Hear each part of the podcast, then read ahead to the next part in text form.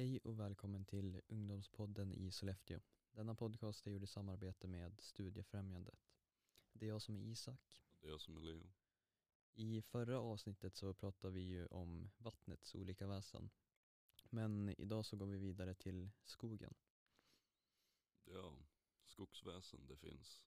Det finns ganska många väsen som kommer eller bor i skogen. Men vi har valt ut några stycken som vi kommer tala om idag. Yes. Ska vi börja med skogsrået kanske? Yes. Hon är, eller var då, då, det beror på vad man tror, ett väsen som också kallades för skogsfrun. Hon var härskarinna över skogen och alla djur som fanns där. Hon ser olika ut beroende på vart i Sverige man kollar. I södra delen av landet så är hon en vacker kvinna. Men om hon vänder sig om så ser man bara en gammal trästubbe. I mellandelen av Sverige, där vid Dalarna eller södra Norrland, så är hon en helt vanlig kvinna fast hon har en svans. Skogsrået brukar locka män som är ute i skogen till henne. Hon förför dem och antingen fångar deras själ i skogen eller låter dem gå med väldigt god jaktlycka. Om en skogsrå skulle blåsa i pipan av ett gevär så kan man inte missa med det geväret utom, utom då skogsråets ridälgar eller de djur som hon helt enkelt inte vill ska dö. Ja. Eh, du sa att hon kunde ta deras själar. Vad hände då? Eh, Själarna blir kvar i skogen men deras kropp går tillbaka till vardagen där de, for, de, de fortsätter sina liv helt som vanligt. Men de är tystare, de kan inte riktigt känna något.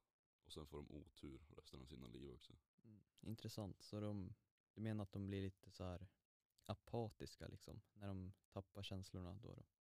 Ja, precis. Eh, när vi pratar om själar så tänkte jag lite på Lyktgubben. Skulle du kunna berätta lite grann om Lyktgubben? Eh, ja, det finns ju då många olika teorier om vad Lyktgubben egentligen är för väsen.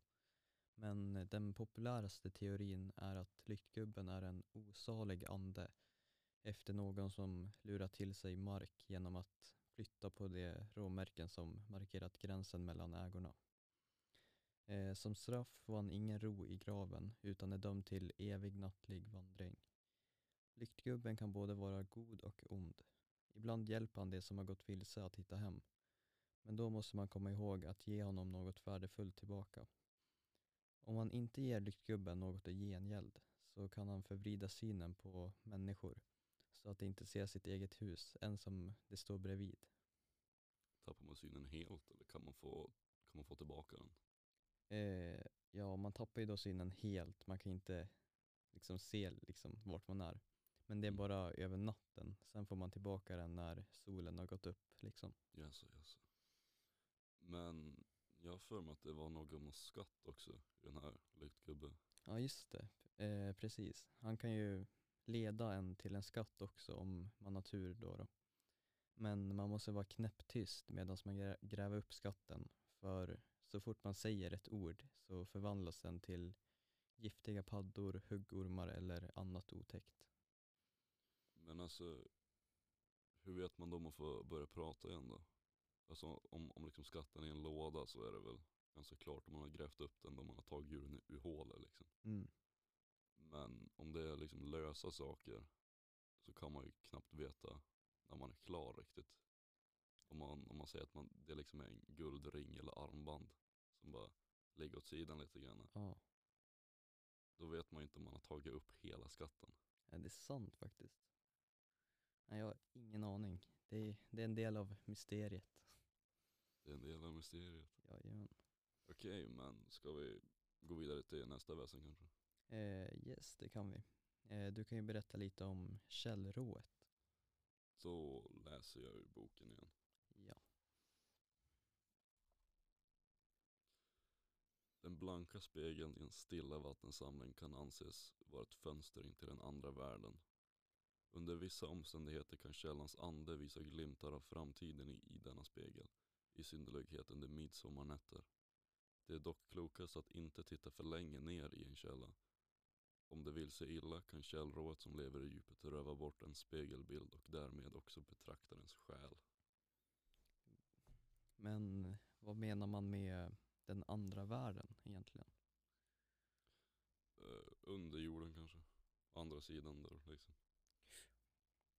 Men eh, vad är liksom själva källrået för något? Alltså ett rå är ju en ande eller en själ som vakar eller råder då, då över en plats. Så det är en ande. Jag vet inte riktigt hur den ser ut men här i boken så är det ett kvinnligt väsen med grodben och vad jag då skulle säga var ganska livlösa ögon. Ja. Så det är basically ett kvinnligt väsen som är hälften groda, skulle man kunna säga. Ja, och sen har jag för mig att den kunde bli helt groda också. Ja, så den kan så här förvandla sig typ. Ja, jag har, jag har för mig det. Ja. Ja. Men från källa till kyrkogård. Eh, vet du vad en kyrkogrim är för något? Uh, ungefär, men kan du förklara?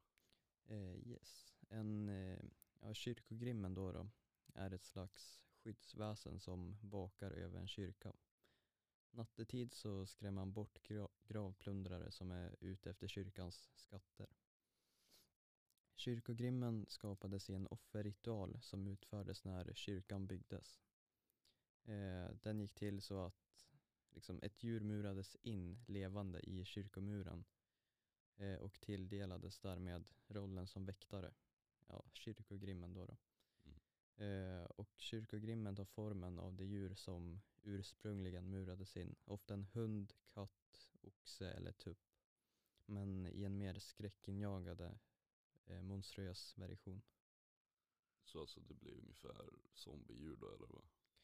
Eh, jag skulle nog inte säga zombiedjur utan det är liksom mer så här spökliknande. Lite mer, men typ en ande. Mm. Men alltså, vänta lite, du sa Alltså mura in en oxe.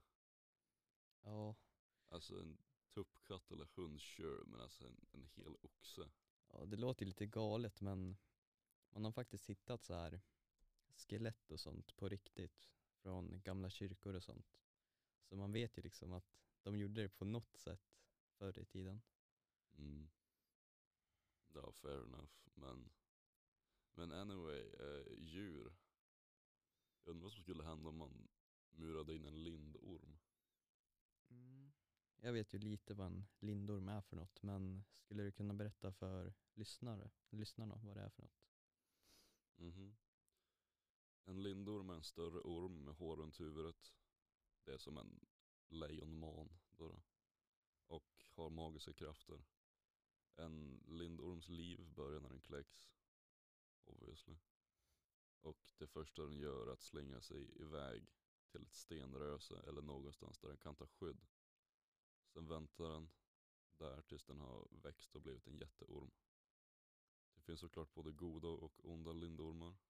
Goda för med sig tur och rör man vid en god lindorm så, så får man mer tur samt en del av ormens magiska krafter. Då. En, orm, en however, kommer, kommer jaga dig och spotta gift i dina ögon så att du blir blind. Och det finns egentligen ingen mening att liksom försöka springa iväg från dem för de är förbannat snabb. För Ja, de, de, de liksom biter sig själva i svansen så att de blir som ett hjul. Och sen kan de rulla efter ja. jättesnabbt. Men eh, hur vet man egentligen att det är en god eller ond lindorm? Ja, det, det vet man inte förrän efteråt. Ja, man får helt enkelt akta sig för alla ormar man ser i skogen. Men eh, ska vi prata om något mer eller blir det i nästa avsnitt? Det blir mer i nästa avsnitt. Tack till alla som lyssnat tills nu och vi hoppas att ni lyssnar på nästa avsnitt också. Hörs, hej.